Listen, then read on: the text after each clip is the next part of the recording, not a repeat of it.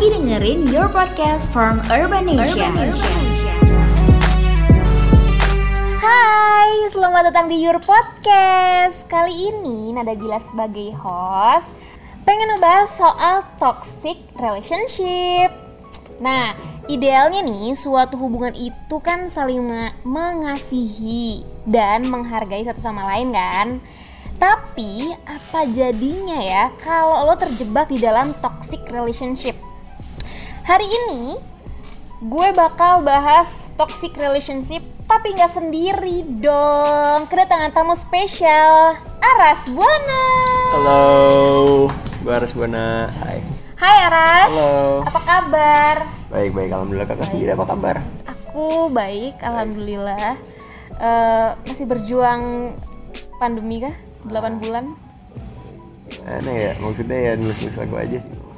Iya iya. Bang lagunya udah banyak nih 8 bulan. Wah, gue sih yang jelas ya. Maksudnya sebelum pandemi pun gue juga udah nulis-nulis lagu. Tapi Hmm. ya pandemi itu gue emang bener-bener lagi on streak aja sih. Oke. bener-bener lagi pengen keluar lagu, lagu.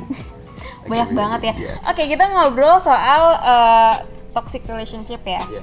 Ini kan adalah hubungan yang eh, racun banget, kayak bisa merusak mental, bahkan fisik. Lo pernah gak sih terjebak di dalam toxic relationship? Jangan man maksudnya. Um, gue nggak suka menggunakan toxic kata toxic relationship karena the only one who can um, define toxic relationship itu ya the person itself maksudnya. Mhm. Gue sendiri pun ya gue bukan psikolog.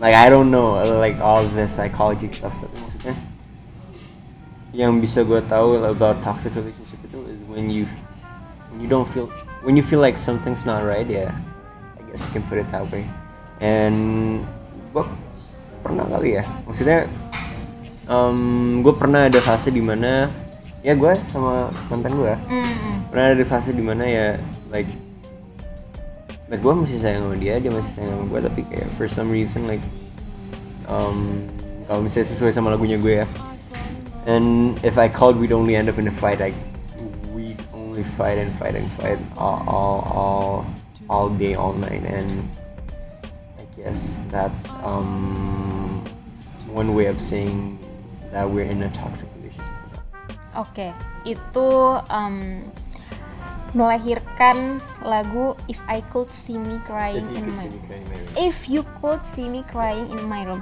Sorry. Barengan sama Raisa. Apa sih eh, yang memicu lo akhirnya bikin lagu yang lucu gue buat bikin lagu? Lagu ini ya? oh yang buat lagu ini? Wah yang lucu gue buat bikin lagu ini mah gara-gara label gue minta gue bikin lagu buat Raisa awalnya. Oke. jadi em, Raisa itu kan bisa dibilang penyanyi baru lah. Hmm. penyanyi baru di mana ya em, maksudnya dia dia punya suara Iya semua juga punya suara Gue tapi maksudnya maksudnya dia punya suara yang bagus lah ya. Mhm, dia punya suara yang bagus and potential and waktu itu gue lagi lagi baru banget gue rilis lagu single ketiganya gue dari selama pandemi ya. Mhm. single ketiganya gue You Tomorrow and then. Tiba-tiba gue diminta untuk bikin lagu buat Raisa. Ya udah gue suruh Raisa datang aja ke rumah gue workshop. And kita udah workshop. Dan lain-lain and dari pas gue dibilang kayak gue mau bikin lagu buat Raisa kayak gue udah tahu gitu lah like the type of person Raisa itu seperti apa and ya gue lebih if I were Raisa gitu kayak gue bakal bikin lagu seperti apa gitu. Like I put my position with Raisa kayak gitu. Tapi in my in my way of writing as well itu bahasa Inggris. Hmm. bahasa Inggris. And nggak tahu kenapa gue udah udah punya phrase yang if you could see me crying in my room. That phrase itu sebenarnya ya itu yang kayak gue bilang masih belum ada meaningnya gitu. Masih bisa lari ke mana-mana aja. Mhm. tapi kayak kita akhirnya ya gue ya akhirnya mengambil keputusan bahwa if you could see me crying in my room itu kayak showing bahwa um, seandainya lu bisa lihat gue nangis would you still be the same as you are like right now? Maksudnya gue tuh nangis ya gara-gara lo Eh, in kayak gue gue nangis karena gue masih sayang sama lo tapi trying itu kan it's not something yang gue mau tunjukin ke orang lain kan Hmm. and I guess that's the whole um, philosophy on addiction kind of. Itu kan lagu menceritakan eh, mantan lo ya. Ini lagu Iya, so-so. eh, viral loh. Sampai di Spotify tuh udah ada 6 jutaan ya yang streaming. Iya ya, gue gue lupa gue udah ngeliat lagi. Pokoknya Iya, nih barusan ya. gue lihat. Eh, 5 juta 600. Oh 5 juta 600 ya ya. Bentar lagi 6 juta. Amin. Eh, mantan lu notice gak sih?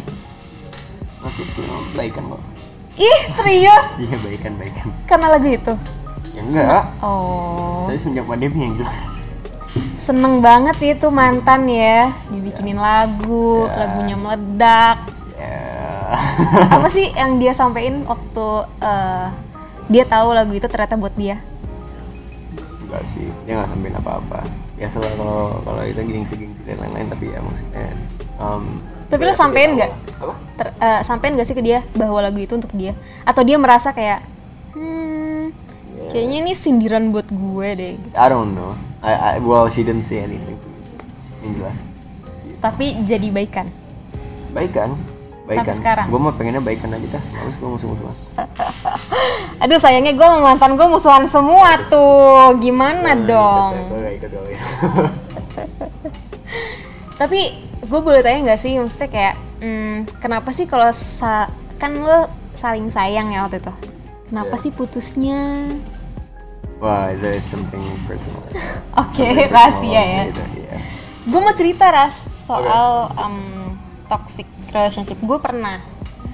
Cuma gue nggak ngerti sih eh, ini dibilang toxic atau enggak. Kayak gue sama dia beda beda kehidupan aja. Maksudnya kayak dia lebih ke happy happynya di tempat yang malam buka sampai pagi gitu. Gue nggak bisa kayak gitu. Terus kayak keluarga gue tahu. Akhirnya tanpa gue ngasih tau dia, dia sendiri yang ninggalin gue. Buka sampai pagi ya. Hah? Malam buka sampai pagi. Gimana maksudnya? Malam buka sampai pagi itu you mean that kind of stuff yang Hmm, ya oke. pop Iya, iya. something Alright, alright. gitu. Ya gitulah, ngerti lah anak Iya. sekarang. Iya. Gitu terus kayak eh gue udah nggak sehat gitu loh nungguin dia sampai pulang gitu-gitu. Dan akhirnya hmm, udah lepas. Itu sih kalau toxic di gue. Ya, again ya, every every person itu has its own story. Kalau misalnya gue yang penting, kalau misalnya ada something yang yang yang yang nyakitin lo, maksudnya kayak lo nggak tahu nih, ya, yang yang bikin lo sakit apa. Tapi whenever you're with them itu lo sakit ya. It might be best kalau misalnya lo nggak sampai dia. Nah, I mean lo- logicalnya kayak gitu. Tapi in the other hand ya, um, yang yang bisa memutuskan itu ya lo sendiri maksudnya do you still have hope karena kan yang bikin lo bertahan misalnya kayak bertahan sama seseorang itu kan when you still have hope with that person and you don't want to lose that person as well tapi even though lo masih sakit tapi ya, ya lo masih bertahan Gue gue mencoba bertahan, Oke. cuma dia yang menyelesaikan. Sampai sekarang gue masih ngubungin lagi. Stupid banget gak gue? I wouldn't say normal stuff. Oke oke. Tapi nih ya, gue baca di urbanasia.com ada nih ciri-ciri toxic relationship, yaitu kurang dukungan dari pasangan. Satu, terus komunikasi eh, yang sangat racun, kayak ada kata-kata kasar, gitu. Terus juga eh, perasaan cemburu yang berlebihan. Ini sih posesif parah. Lo posesif atau mantan-mantan lo yang posesif? Kalau cemburu posesif- eh cemburu wajar sih. Maksudnya kayak Iya. kalau cemburu yang berlebihan itu. Kalau kalau posesif lo zodiaknya apa sih? Gue gemini. oh lo gemini.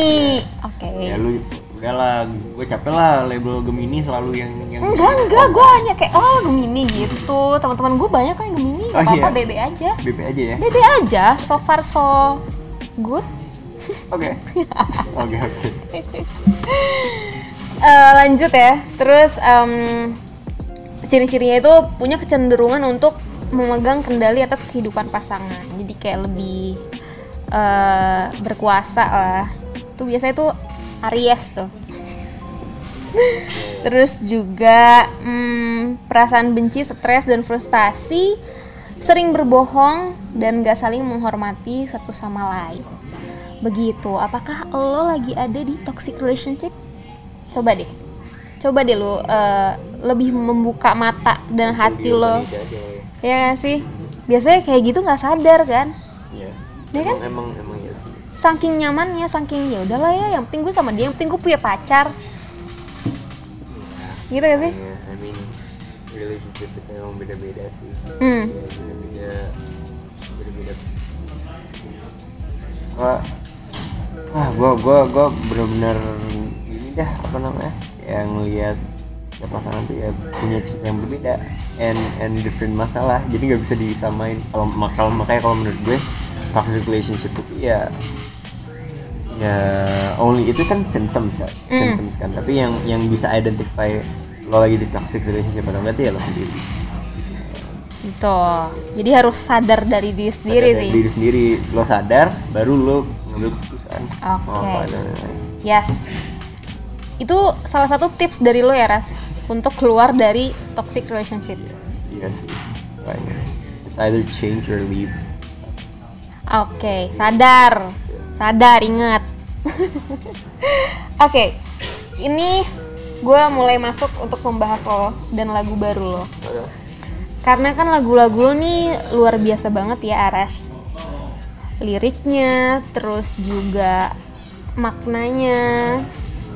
Dan baru-baru ini eh, lo rilis lagu berjudul Teddy Bear. Itu tentang broken home. ya Hmm, gue boleh tau nggak? Ini based on your true story nggak sih? nah actually nggak nggak apa nggak sama storynya yang gue lewatin cuman banyak orang-orang dekatnya gue yang melewati itu and sebenarnya it's ya gue kayak semacam gila all the people yang gimana ya gue tuh percaya anak itu menjadi eh, someone itu ya karena orang tua Hmm, at least itu um, a big factor buat uh, menjadinya dewasa seorang anak itu ya kira-kira orang tuanya gitu. Dan apa yang mereka lihat pas kecil ya, ya itu itu bakal eh, nanam di anaknya Iya, sampai iya. gede gitu loh. Karena anak meniru orang tua. Dan emang iya, emang iya, eh, eh, kayak itu tuh makanya kalau misalnya anak menjadi menjadi someone yang misalnya no attitude dan lain-lainnya satu sih tapi maksudnya pasti ada faktor dari the family Hmm, and hmm. mungkin perlindungan juga ya cuman inti dari bear ini itu gue cuma aja um, gue ngelihat kayak belakangan ini gue baru menyadarinya belakangan ini gitu. Bahwa the, the problem of broken home dan lain-lain itu it's not something new. Dan broken home itu nggak harus cerai. Yes.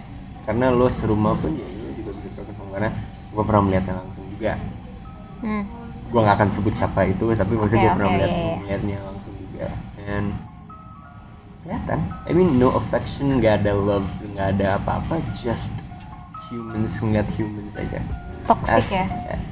nggak toxic juga. Nggak yang kayak marah-marah tuh nggak cuman untuk orang kayak gue yang I have ya maksudnya let- let's just say kayak I have a strong family lah. Maksudnya we Mhm, actually mhm. communicate together kayak gitu. Cuman to see to me seeing like that itu kayak asing aja buat gue. And ya di situ gue menyadari bahwa menjadi anaknya itu ya how does it feel untuk menjadi anak itu gue tuh nggak nggak sama sekali apa ya kayak I I just want the world to be fair sih like everything yang yang Yeah. yang semua ini cuman emang dunia ini ya Gak akan. nggak akan fair maksudnya yang yang udah normal gitu lah Hmm. Maksudnya ba- bakal ada yang di sini ada yang di sini cuman kayak ya itu cuman personal personal feeling aja towards life Tapi, hmm, gue berterima kasih loh. eh, lo menciptakan lagu Teddy Bear ini. Kayak lo Iya. mewakili perasaan banyak anak broken home di luar sana. termasuk gue ya dengan liriknya terus juga ah gue jadi pengen. Lu pengen pengen cerita ya? Iya ntar lanjutin ceritain di belakang aja deh. Oke em, lu melakukan riset nggak sih? Maksudnya kayak kan Iya. lo nggak merasakan ya? Gua untuk lagu ini lo melakukan itu riset atau yang gue interview di itu kan semacam riset juga gue hmm, oh. itu lo lakukan sebelum eh, nulis teddy bear atau itu tuh sebenarnya setelah udah udah jadi teddy bear. Cuman Oke. Em, gue gue tuh nggak tahu dah kenapa gue bisa nulis lagu. Itu gue nggak tahu kenapa gue bisa nulis lagu itu karena gue nggak ada niatan sama sekali buat nulis lagu. Dan gue nggak tahu gue nulis lagu yang lain pun gue juga nggak ada niatan ya gue nggak ada inspirasi yang yang yang tepat cuman gue nulis lagu itu apa yang lagi ada di kepala gue aja. Hmm. and teddy bear pun juga nggak ada di kepala gue. Pas gue nulisnya tuh maksud gue gue juga mikir ngapain gue nulis lagu kayak gini gitu karena kan tapi ya selama ini ya ini sekalian um, pro tip dari songwriting. Kalau misalnya Oke. gue tuh nulis itu gue kalau misalnya nulis lagu itu lu under consciousness gitu loh. Hmm, ya tanpa gue harus memikirkan ya gue aja bikin lagu Perancis men. Iya gue gue denger oh iya. Yang lo share di instastory sih bonjour bonjour ne mon amour iya ya yang bikin kayak about how, how it feels like to fall in love in France. And ya itu gue nggak ada niatan buat bikin bikin lagu tuh nggak ada. Just like writing songs aja. Gitu sih. The real musisi. Nggak ada niatan bikin lagu tapi lagu udah jadi enak. Maknanya dalam gitu. Ya dilanjutin aja. Makanya gue kalau gue tuh bertanggung jawab sama lagunya gue. Dari awal tuh fondasinya lagu gue tuh harus udah kuat biar pas sampai um, tahap terakhirnya ya insya Allah yang memuaskan. Oke. Gue mau nanya deh Ras. Eh, lu jam-jam produktifnya bikin lagu tuh jam berapa sih? Gue jam produktif gue bikin lagu gak ada sih. Yang jelas gue bikin lagu itu di kamar mandi. Awalnya itu gara-gara gue nggak boleh berisik. Kan gue connecting door kan hmm. sama kakak gue Hmm. kalau misalnya gue bikin lagu itu kan ya nggak menentu ya gue jam berapa jam berapanya. Cuman kalau misalnya gue menulis lagunya malam gitu ya biasa komplain dari kamar sebelah gitu kan. Cuman ya gue bikinnya awalnya di kamar mandi karena itu tapi lama-lama ya gue PW juga di kamar mandi gue oke Jadi karena ya- kamar mandi emang penuh inspirasi ya? Wah gila men. Itu kamar mandi jadi jadi tempat inspirasinya gue banget sih sebenarnya. Tapi intinya gue harus di, di kamar gue hmm oke. Gue harus di kamarnya gue. Karena gue harus gue kalau nulis lagu itu emang harus merasa merasa nyaman aja. Kalau nggak di kamar gue ya sama seseorang yang at least gue merasa nyaman aja. Itu itu. Yuk aku temenin. Waduh. Eh ras ras. Em, ini eh, correct me if I'm wrong ya. Oke. lo itu katanya nggak suka siang ya? Lebih suka malam. Boleh tahu nggak kenapa? Wow gue lebih suka siang nggak suka siang gue lebih suka malam. Why? Setidaknya um, ini ada some things yang yang gue belum siap untuk uh, menceritakan di publik tapi kenapa gue lebih suka malam itu? Ya karena malam tuh at least I have the day pass aja gitu. Maksudnya kayak kalau misalnya udah malam kayak udah lewat hari. And and ada minggu-minggu di mana gue pengen selesai minggu itu aja gitu. Maksudnya gimana Maksudnya ya cara pengen bilang ya? cepet-cepet selesai gitu? Ya ya gue I don't wanna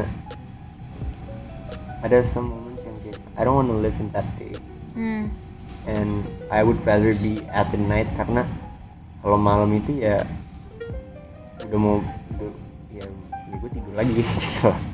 Oke. At least gitu sih sebenarnya karena tidur adalah cara menyembuhkan ya tapi itu only in some some some gimana ya kayak uh, pasti ada reasonnya kenapa gue merasakan seperti itu Mhm. gitu. cuman kalau misalnya sesuai sama lagunya gue gue kan pernah nulis lagu yang judulnya Depressed Sometimes itu kan Yes. yang Depressed Sometimes gue gak suka matahari bukannya bukannya emosi yang mau pagi ya gue gak suka matahari. Kayak gue dalam dalam kamarnya yang lain pada buka horden gue gak buka horden maunya remang-remang adem. Dan banyak yang bingung juga kenapa gue kayak gitu. Ya banyak banget. Cuman I have my own reasons kenapa kenapa kayak gitu and it's really harsh juga buat buat gue karena this thing ya yang jadi penyebab ini itu sebenarnya orang-orang anggap itu sepele. Cuman for me it's way way way worse dari dari yang Oke, yang iya, iya. orang-orang lain gitu. nggak usah lah dengerin kata orang lain kan yang mengerti kita adalah diri kita sendiri ya nggak sih? It's kind of hard aja kalau misalnya di di, di remind setiap hari you know. Uh, especially being an, a public figure yang yang emang Ya, lo demanding dari orang-orang itu ya you have to be perfect gitu loh oke tapi kalau gue boleh cerita gue lebih suka siang. Misalnya gue lebih suka gue ketemu matahari dibanding gue dibanding malam. Karena kalau di saat matahari muncul itu pasti gue keluar rumah. Oke. Kenapa? Nggak sakit. Gue kalau matahari muncul tuh pasti gue keluar rumah. Terus gue benci kalau udah malam. Karena malam gue harus pulang ke rumah ya lo tau Ya, lah ya, kan ya. gue relate banget sama lagu yang teddy bear. Jadi oke oke jadi ya siang pagi dan siang dan sore itu adalah waktu-waktu eh, yang sangat gue nanti nantikan kayak gue beruntung kayak wah untungnya malam gue tidur tapi gue nggak suka malam karena gue di rumah. Gitu. Ya ya Oke. gila ya perbincangannya ini ini curhat ya curhat iya. sekalian. Terus tapi eh, lo kan bikin lagu produktif. Gimana sih cara bagi waktu sama pendidikan lo? Yang gue mau gue jawab jujur nih. Iya ya udah gue jawab. Kalau misalnya gue membagi waktu ya gue homeschooling. Oke. Sekarang gue homeschooling Windsor Windsor homeschooling. And gue terus terang aja ya gue itu di homeschoolingnya gue itu sekarang kan gue ambil jalur mandiri Mhm. which is gue cuma dikasih buku and gue belajar sendiri aja gitu and ntar gue ulangan and ya gue emang benar-benar gimana ya mau dibilang merelakan akademis ya enggak juga cuman porsi, porsi buat akademis itu lebih jauh lebih sedikit dibandingkan buat musiknya gue Oke. karena ya contohnya kayak sekarang ini loh like being in this position kayak gue harus ya all out aja buat musik karena um, gue udah homeschooling dari SMP Mhm, mhm. gue dari SMP udah homeschooling and I don't wanna waste my opportunity aja di musik sih karena lo disupport sama keluarga lo sama orang ya. tua lo keluarga gue itu, itu juga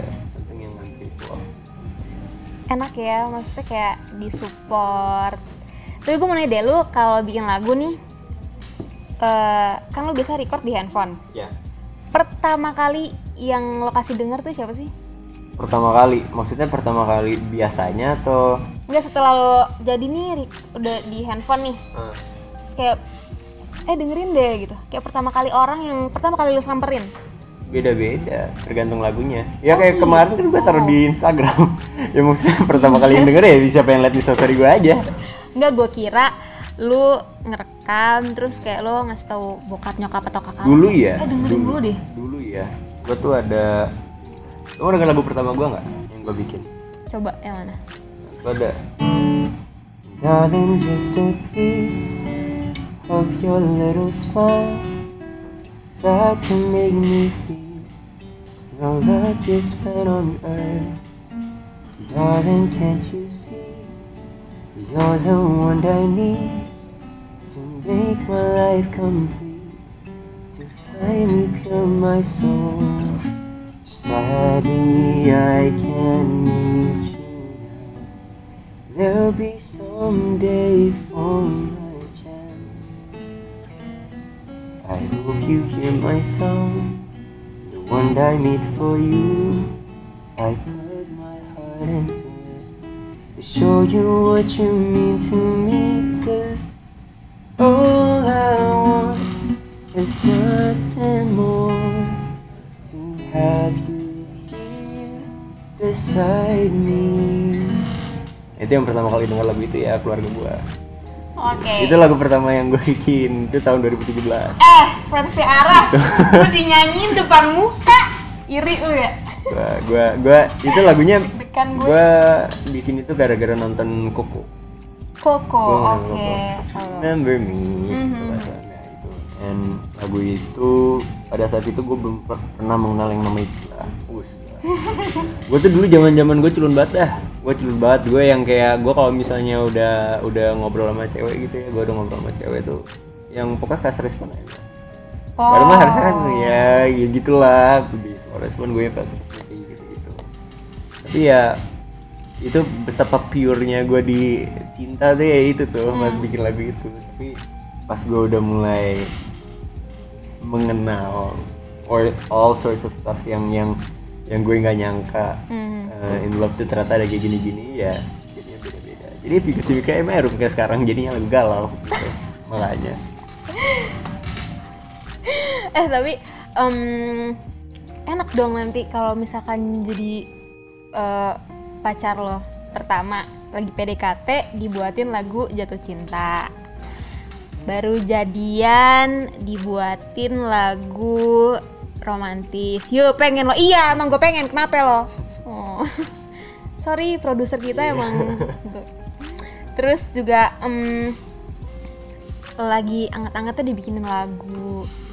Enak banget ya jadi pacar lo ya. Nah, ya kalau misalnya di lagu doang sih cuman ya nggak juga lah emang gua gua ininya bikin lagu buat cewek gua mulu nggak Ya kan siapa tahu aja ada tapi kalau sekarang ya dah Hah? kalau sekarang ya lu mau denger nggak? Mau mau mau mau gua gua waktu pandemi ya. Ya Allah ini tuh jadinya podcast gimana dah? Kalau gua waktu pandemi itu gua bikin lagu judulnya See You Tomorrow. Oke, ya See ya. You Tomorrow itu sebenarnya untuk um, orang-orang yang selama pandemi itu yang gue tuh ngeliat banyak teman-teman gue yang jadian gitu loh pas pandemi. Kayak gue bingung aja lu jadian pandemi tapi lu nggak ketemu sama orangnya gitu. Hmm. Ini yang gue baca di de- description box tentang online dating. online dating. relationship. Iya. Iya online oh lo gua, lu masih inget dong? Iya iya online dating relationship. And makanya um, nih ya awalnya tuh never would have thought it'd be you after every single thing I've been through. I've been searching for a while but I noticed when you smile couldn't help but staring right back at you I can tell how far I could go but probably the answers will show. Cause if we keep on moving along, and when all of this is done, oh, I know, I know. I'm wishing I can see you tomorrow. I'm sorry, couldn't come give you cuddles. I'd spend every single day loving you in every way. I just wish that I can see you tomorrow. Mm-mm. Yeah, I'll see you tomorrow, man. I, I, um, gimana? I'm sorry couldn't come give you cuddles karena cuddles itu salah satu cara gue share affection. I'd spend every single day loving you in every way, but I just wish that I could see you tomorrow. Kayak gue bisa setiap hari kayak showing how much Uh, ya gue bisa manjain lo setiap hari and gitu, tapi only thing yang gue nggak bisa ya ketemu langsung and that sucks karena ya seandainya gue bisa ketemu langsung mungkin it would be way way way better. Sekarang kan udah PSBB transisi nih, new normal juga nih. Iya. Udah ketemu dong. Udah dong. Aduh, udah jangan di diperbincangkan lagi lanjut aja, lanjut aja kita. Oke. Ya. Ras tadi kan gue ngomong kan, gue baca di description box YouTube lo. Iya. Gue kalau ngebacain itu gue seneng deh. Lu tuh kayak em, curhat aja gitu, kayak lagi nulis diary. Sebenarnya dari situ apa sih yang pengen lo em, tunjukin ke penikmat musik lo? description box itu untuk gue ya kalau misalnya gue nulis lagu itu yang bikin lagu at least ini definisi lagu-lagu yang um, ya udah kita taruh lagu mahal lah ya. Lagu yang yang itu tuh sebenarnya lo bikin lagu cinta nih tapi in what perspective? Contohnya kayak gue yang see you tomorrow. Ya judulnya see you tomorrow tapi kayak itu lagu apaan gitu kan. And ya di view tomorrow itu ya gue nunjukin perspektif gue buat pas nulis lagu ini tuh seperti apa. Dan biar experience orang-orang juga pas denger lagunya bisa um, understand apa yang apa yang gue ingin tulis di lagu ini Terus, mm, lo bikin lagu enak-enak. Terus disupport orang tua juga. Luar biasa kan? Terus berbuah manis. Karena gue denger-dengar lo dihubungin sama Republic Records. itu waktu gue rilis Me Cry in My Room 4 hari setelah itu Empat hari setelah If, you- uh, If You Could See Me Cry in My Room berarti itu Rilis. kan kan rilis If You Could See Me Cry in My Room kan pas ulang tahun gue ya Ah, Juni ah, 12 ah, ah, ah. and um, 4 hari ya berarti 16 Oke, eh tapi ini buat yang nggak tahu ini label rekamannya yang naungin Taylor Swift, ya kan? ya Ariana, Ariana Grande, Grande, gitu-gitu. Drake. Terus akhirnya lo memutuskan belum sih belum ada perbincangan selanjutnya. Cuman maksudnya mereka terus pantau gue Mhm. aja. Tapi situ terakhir kali gue ngobrol sama mereka pun juga udah lama ya so ya we'll see. I mean kalau sekarang intinya gue jangan sampai lost track aja kayak tujuannya gue. Ya intinya tuh gue pengen nulis lagu tuh biar gue bisa manggung tau gak sih? Gue gue jujur jujur aja nih gue tuh pengen banget manggung. Maksudnya pleasure yang gue dapet di panggung dan gue gue nyanyi lagunya gue dan tambah lagi kalau misalnya orang-orang tahu yang lagu gue itu itu pleasure yang yang nggak bisa nggak bisa bayar deh itu itu itu something yang unpriceable yes, semoga bisa secepatnya manggung ya. Pandemi ini selesai. oh iya gue kayaknya em, kalau kalian nggak sibuk tanggal 29 November gue bakal manggung di Prasmul Oke. buat online online pensi concert gitu Wah, good luck, good luck. Semoga eh, lancar. Nanti gue nonton. wah wajib dong gue bakal ya wajib itu mah Oke, eh, Rash, ini sebelum kita mengakhiri podcast kita, oke hmm, ada nggak sih yang pengen lo sampein buat teman-teman di luar sana? Hmm, pada sehat-sehat aja. And kalau misalnya lu pada penasaran gue siapa, bisa di follow aja Instagram gue, aras underscore buana atau search aja aras buana. Ada gue kok pokoknya. And kalau misalnya kalian mau denger-denger lagunya gue juga ada di YouTube, di Spotify, Apple Music, Joox, pokoknya every digital platform yang legal itu udah ada semuanya. Sama, gue cuma bilang aja tahun depan gue ada rencana mau bikin album buat kalian semua so stay tune Yes, kalau buat hmm, orang yang ada di lagu See You Tomorrow mau nyampein sesuatu nggak? sehat-sehat aja terus Sehat-sehat ya Neng, Iya, enak banget sih dibikinin lagu sama Aras. Oke, thank you Aras. thank you Thank you banget, semoga sehat selalu, sukses. amin insya Allah Aras akan go international. amin nih. amin amin amin Jangan lupain aku. ya kalau misalnya undang terus aja lah ke Urbanesia Asik. Berarti Ras gimana? Baru mau terbang nih dari LA. waduh waduh waduh waduh, waduh, amin dah amin amin Amin banget ya. Iya. Thank you Ares. Em, terima kasih buat lo yang sudah menonton dan mendengarkan Your Podcast barengan sama Aras Buana. Next, kira-kira siapa ya? Makanya follow Instagram kita di Urbanasiakom, terus juga Twitter di Urbanasiakom, TikTok Urbanasiakom. Kalau gitu nada bilangnya pamit, Arasnya juga pamit. Terima kasih Aras. Dah. bye